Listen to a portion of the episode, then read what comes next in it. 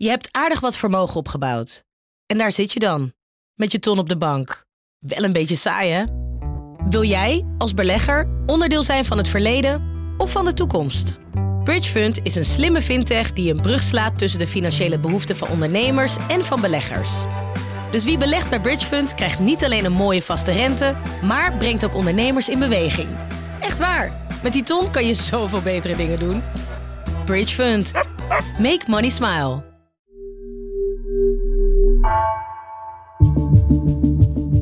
Vanaf de redactie van NRC het verhaal van vandaag. Mijn naam is Floor Boon.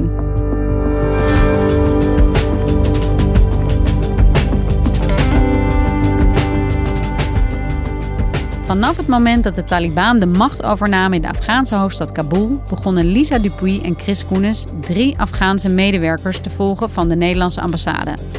Dagelijks werden en worden zij op de hoogte gehouden over de traumatische vlucht naar Nederland, de moeizame asielprocedure en over de ongewisse toekomst die ze tegemoet gaan. Want hoeveel perspectief hebben deze mensen eigenlijk in Nederland?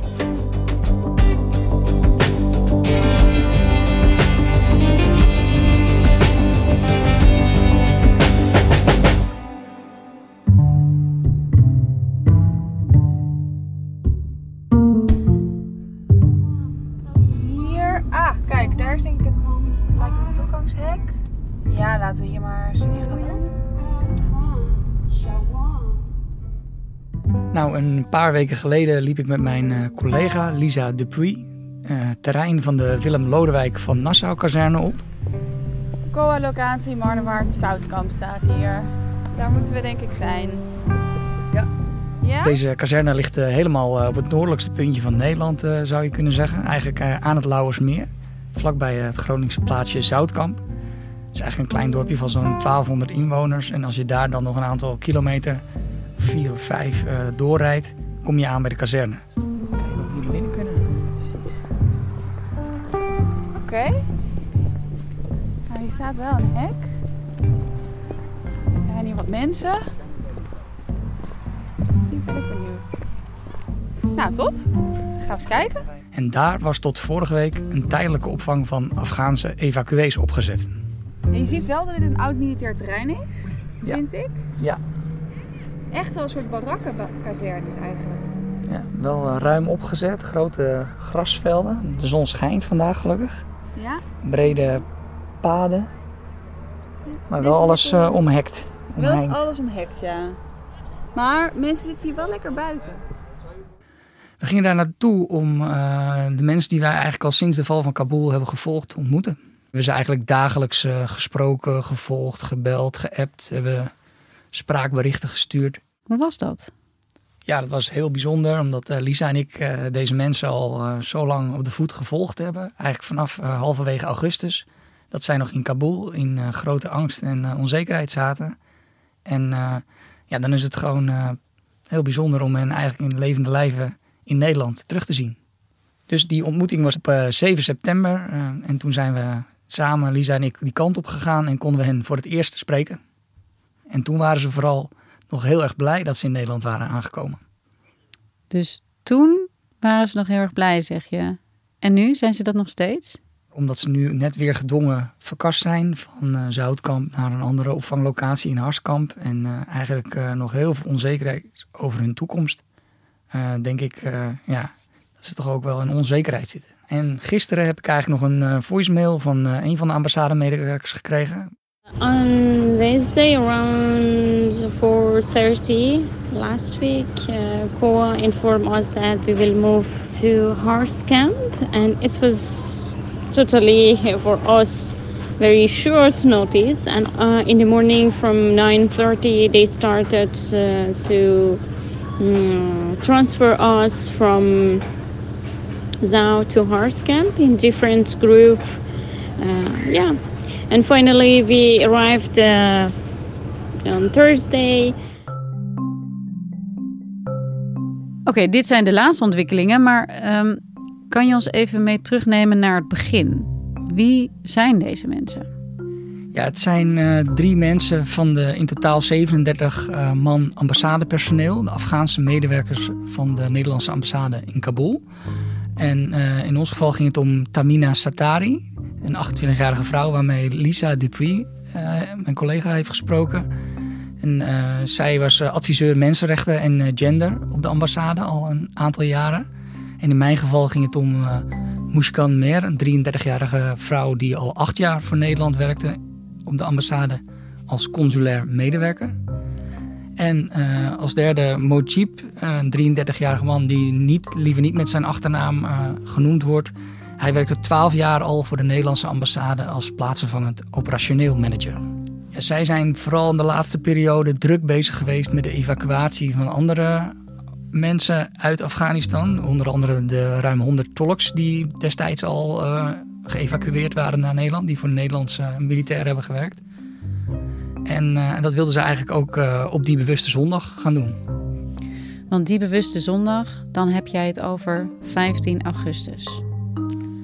Ja, dat was de dag waarop uh, ze eigenlijk weer s ochtends op de ambassade aankwamen en daar eigenlijk een volledig lege kantoor aantroffen. Wat gebeurde er op 15 augustus in Afghanistan? Ja, we zagen al maandenlang de Taliban oprukken in verschillende provincies en steden. En eigenlijk op 15 augustus was als laatste de hoofdstad Kabul gevallen. En het gebeurde eigenlijk veel sneller dan iedereen had verwacht.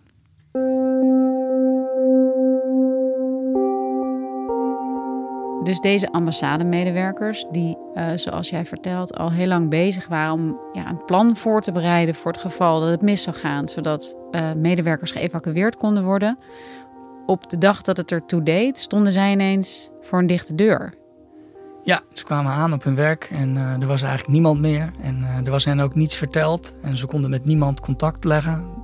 Dus ja, ze waren verbijsterd.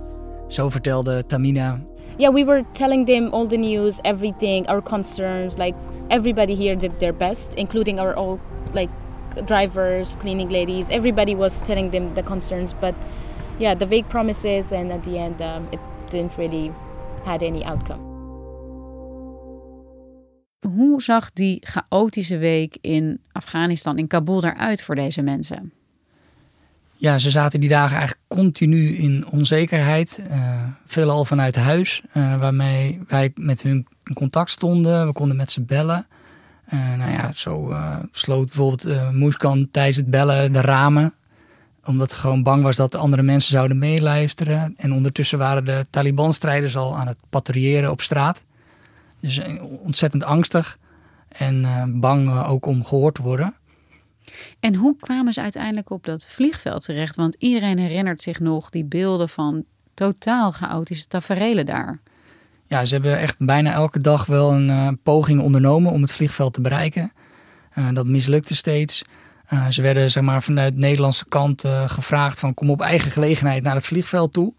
Nou, dat was natuurlijk een heikele onderneming met controleposten die de Taliban op straat uh, hadden ingericht. Overal. Je moet je voorstellen dat in jouw eigen stad in één keer allemaal gewapende strijders rondlopen. Waarvan jij niet weet of ze je aan gaan houden, of ze je gaan meenemen. Of... Ja, uiteindelijk zijn ze uh, gesommeerd om naar het vliegveld te komen. Maar ja, daar bleek telkens dat ze de juiste mensen niet konden vinden. Vanwege de enorme chaos, de paniek, het geschreeuw, het geschiet. It's almost 11 in the evening, so we came back home. uh, because the door was closed and they said it's not going to open until the morning. There should be coordination. But yeah it's just i don't know how things are working inside. It's just uh, every time i go and i see what's happening it disappoints me more and more. Tijdens een van de vluchtpogingen uh, die ook mislukte door de week, ik geloof dat het op de donderdag was, ja, kwamen ze aan op het vliegveld. Ja, en zij konden gewoon niet door die chaos komen naar het Nederlandse personeel. Soms eh, wisten ze wel andere militairen te bereiken, zoals de Britten, die vervolgens weer zeiden van ja, wij uh, kunnen niets voor jullie doen, jullie moeten andere, jullie moeten andere ingang hebben. I don't know what to do. Um, today I um, I tried hard after a lot of struggle and difficulties. I reached to the door, um, but there was nobody from Dutch to get me in, and we got hurt, injured, and harassed there. Uiteindelijk hebben ze een, uh, na dagenlang proberen een rustige poort gevonden op het vliegveld. Daar liep ook een soort van open riool langs, waar ze nog doorheen moesten. Er is nog van een muurtje afgesprongen. Ze hebben zichzelf bezeerd. En daar hebben ze uiteindelijk toch het juiste punt gevonden waar Nederlandse militairen stonden. And you can see smiles in the faces and it's just a happy moment. I don't know, uh, just out of that hell um, and being there for one week and struggling, it just seemed impossible and the world seemed completely different. Dus ze zijn aangekomen op dat vliegveld, hebben heel veel barrières overwonnen om daar aan te komen en konden toen naar grote opluchting in een vliegtuig stappen. Ja, eindelijk konden ze weg en de opluchting was enorm. Toen hoorden we dat het was gelukt en uh, dat ze eigenlijk op dat moment al in Islamabad waren in Pakistan voor een tussenvlucht.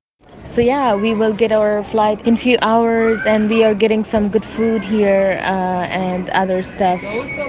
Uh, yeah, everything is going uh, as good as it should. At this moment, I feel just happy and uh, blessed that I could get out. En toen zijn ze geëvacueerd via Pakistan en Turkije. Schiphol zijn ze aangekomen en eigenlijk direct met de bus door naar Zoutkamp. Als je deze mensen eigenlijk elke dag spreekt, Chris, en je raakt zo betrokken, is het dan nog makkelijk om je journalistieke werk ook goed te doen? Ja, dat was uh, soms ook uh, erg ingewikkeld. Uh, mensen vertellen natuurlijk hun verhaal vanuit emotie, vanuit, ook wel vanuit wanhoop. daarbij kwam goed van pas dat we eigenlijk meerdere mensen spraken die zich op verschillende plekken in de stad bevonden. zo konden Lisa en ik ook de onderlinge verhalen verifiëren en daarbij kijken of het klopte. Je gaat enorm meeleven, ook al is het natuurlijk in eerste instantie werk, maar het is moeilijk om niet zo betrokken te raken. En omdat je ze elke dag spreekt, ja, heb je ook altijd wel in je achterhoofd van ja, wat als het contract verbroken wordt, wat als het internet uitvalt, wat als het misgaat. We hebben allemaal gezien in die tijd wat er gebeurde in Afghanistan. En ook hoe, ja, uh, hoe slecht dingen geregeld werden soms. Wat heb jij daarvan gezien in die tijd en door contact te houden met deze medewerkers? Ja, wij konden door ons contacten heel erg goed volgen wat voor impact het eigenlijk heeft gehad dat al die besluiten over evacuaties, uh, terugtrekking van troepen zo lang niet zijn genomen. Uh, het gaat natuurlijk om mensen die jarenlang voor Nederland hebben gewerkt. Ja, het heeft heel veel impact gehad op hen. En wat vertelden ze je daarover? Hoe, hoe keken ze er zelf naar hoe zij werden geholpen of juist niet werden geholpen door Nederland? Ja, in eerste instantie was er gewoon de verbazing van uh, wat gebeurt er met ons? Uh, waarom is er geen plan gemaakt voor ons? Waarom wordt er niets gecommuniceerd met ons? Maar goed, in het geval van deze mensen uh, is het dan goed gegaan. Ze zijn naar Nederland gekomen. Maar er zijn natuurlijk ook nog voldoende mensen achtergebleven in Afghanistan. Ondergedoken tolken die worden gezocht door de Taliban. die tolken die ook voor Nederland hebben gewerkt. En ja, de Taliban zien hen als verraders. Er komen nu ook berichten binnen die misschien nog moeilijk zijn te verifiëren, maar van mensen die gevangen zijn gezet, uh, zelfs gemarteld worden. En er zijn ook al hardline uh, Taliban-leiders die zeggen we gaan lijfstraffen weer invoeren in Afghanistan. Denk aan het afhakken van handen, publieke executies die we nog kennen van de jaren negentig. Dus voor al die mensen die ook achtergebleven zijn, ja, is het heel onzeker wat er met hen gaat gebeuren. De mensen die jullie hebben gesproken, is het wel gelukt om Afghanistan te ontvluchten. Hoe gaat het nu met hen? Ja, bovenal zijn ze natuurlijk ontzettend blij met hun evacuatie en dat ze ja, in Nederland zijn aangekomen. Afghanistan was like a, after 15 hours like a hell. We came from hell to this kind of place. Maar ze zijn ook wel boos en gefrustreerd op de manier waarop het op is gegaan. Uh, wat toch wel traumatisch is geweest, de, de dagenlange onzekerheid en de angst. I think because of their decisions, I, we still went through all those difficulties. If it wasn't because of their wrong decisions or late decisions, we wouldn't face all those because it really traumatized us all. Maar deze mensen hebben altijd voor Nederland gewerkt. Worden ze daardoor nog extra geholpen ook? Nee, ze gaan nu eigenlijk de gewone IND-procedure door en worden net zo behandeld als alle andere evacuees en asielzoekers.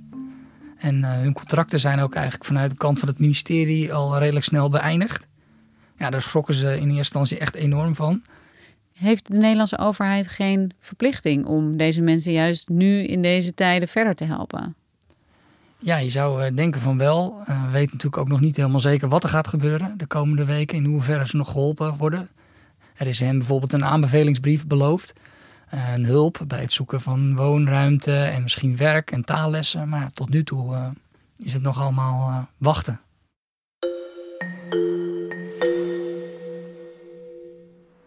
Sinds een paar dagen zitten deze mensen dus in Harskamp. Hebben ze daar dan wat meer perspectief? Ja, toen ze daar eigenlijk aankwamen waren ze niet zo blij. Het kwam vrij onverwachts allemaal, zonder communicatie. En uh, Moeskamp bracht mij eigenlijk via WhatsApp op de hoogte van de situatie daar. When we arrived, uh, it was very difficult because yeah, the environment around this camp and inside the camp, inside the rooms, uh, it was very faulty and dirty. Nobody informed us uh, that how long we will stay here in uh, Harskamp, but we will see. Ja, want uh, de opvang uh, waar zij momenteel uh, zitten, ja, het zijn vaak overvolle locaties met weinig ruimte, weinig privacy. ook voor vrouwen weinig privacy. En het lastige is ook dat je gewoon niet weet hoe lang je daar verblijft. En uh, in eerste instantie is hen eigenlijk verteld, uh, jullie verblijven maximaal twee weken in Zoutkamp en dan uh, krijg je die verblijfsvergunning. Maar we zijn nu eigenlijk bijna twee maanden verder en ze zijn eigenlijk in de reguliere procedure en zijn dus vorige week verhuisd naar Harskamp. Zonder duidelijk doel en zonder perspectief. Met een onzekere toekomst ook. Met een hele onzekere toekomst. We hebben COA uiteraard om een reactie gevraagd. En zij zeggen eigenlijk dat ze te maken hebben met een uh, complex probleem met meerdere oorzaken. De structurele opvang zit al een tijdje 100% vol. En uh, daardoor is er nu eigenlijk sprake van tijdelijke opvang, die ook weer 100% vol zit. Uh, dat komt omdat er meer mensen binnenkomen op dit moment. En onder andere ook vanwege gezinshereniging, die was uitgesteld vanwege de coronapandemie. Terwijl ondertussen ook de uitstroom langzamer gaat vanwege de woningcrisis. Er is gewoon te weinig plek om te wonen. En daardoor heeft het COA steeds weer extra ruimte nodig. En die heeft niet elke gemeente. Het COA hoopt eigenlijk dat de gemeenteraden nog meer ruimte beschikbaar zullen stellen. Maar ja, dat gaat ook allemaal veel tijd kosten. Dus dit is eigenlijk een breder probleem ook, zegt het COA. Ja, zij uh, zeggen dit is een uh, breed probleem die niet alleen bij het COA ligt, maar ook bij het ministerie en bij de gemeente. En over de plotselinge verhuizing zegt het COA eigenlijk dat ook zij pas last minute vanuit Den Haag te horen krijgen uh, hoe de verhuizingen moeten worden geregeld. En uh, ze willen de groepen van Afghaanse evacuees bij elkaar houden. En uh, op dit moment in oktober is de situatie zo nijpend qua drukte. En ja, de verwachting is dat het vanaf november hopelijk iets minder nijpend zal worden.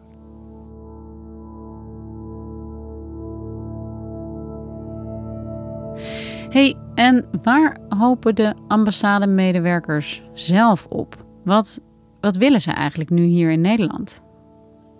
Ja, het gaat in het geval van de mensen die wij gesproken hebben echt om uh, hoogopgeleide mensen die uh, zo graag mogelijk weer snel aan de slag willen, uh, de taal willen leren, natuurlijk een eigen plekje krijgen om te wonen. En ja, eigenlijk vooral zo snel mogelijk weer aan de slag en meedoen. The new chapter of my life has been started already. Really would like to continue my education, take part in the Dutch society, and find a job for myself.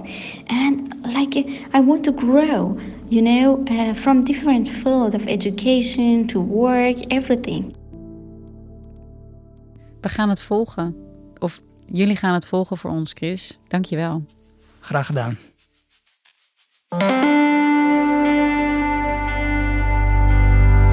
Je naar vandaag, een podcast van NRC. Eén verhaal, elke dag. Deze aflevering werd gemaakt door Iris Verhulsdonk, Allegria Ioannidis, Henk Ruigrok van der Werven en Jeroen Jaspers. Dit was vandaag.